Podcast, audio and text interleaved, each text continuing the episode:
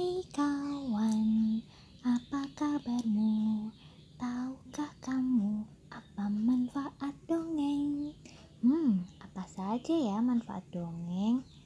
Dongeng atau cerita itu ternyata adalah salah satu bentuk komunikasi persuasif.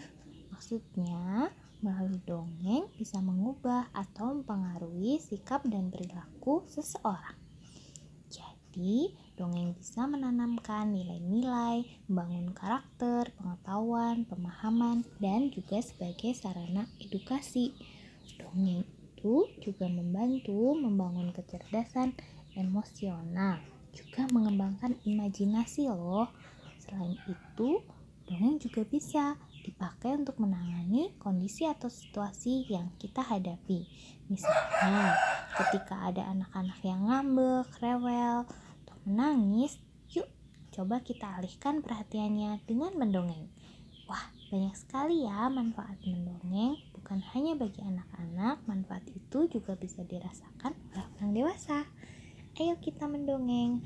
Ayo bercerita, dimulai dari ceritamu kepada Tuhan, orang-orang terdekatmu, dan lingkungan sekitarmu. Semangat!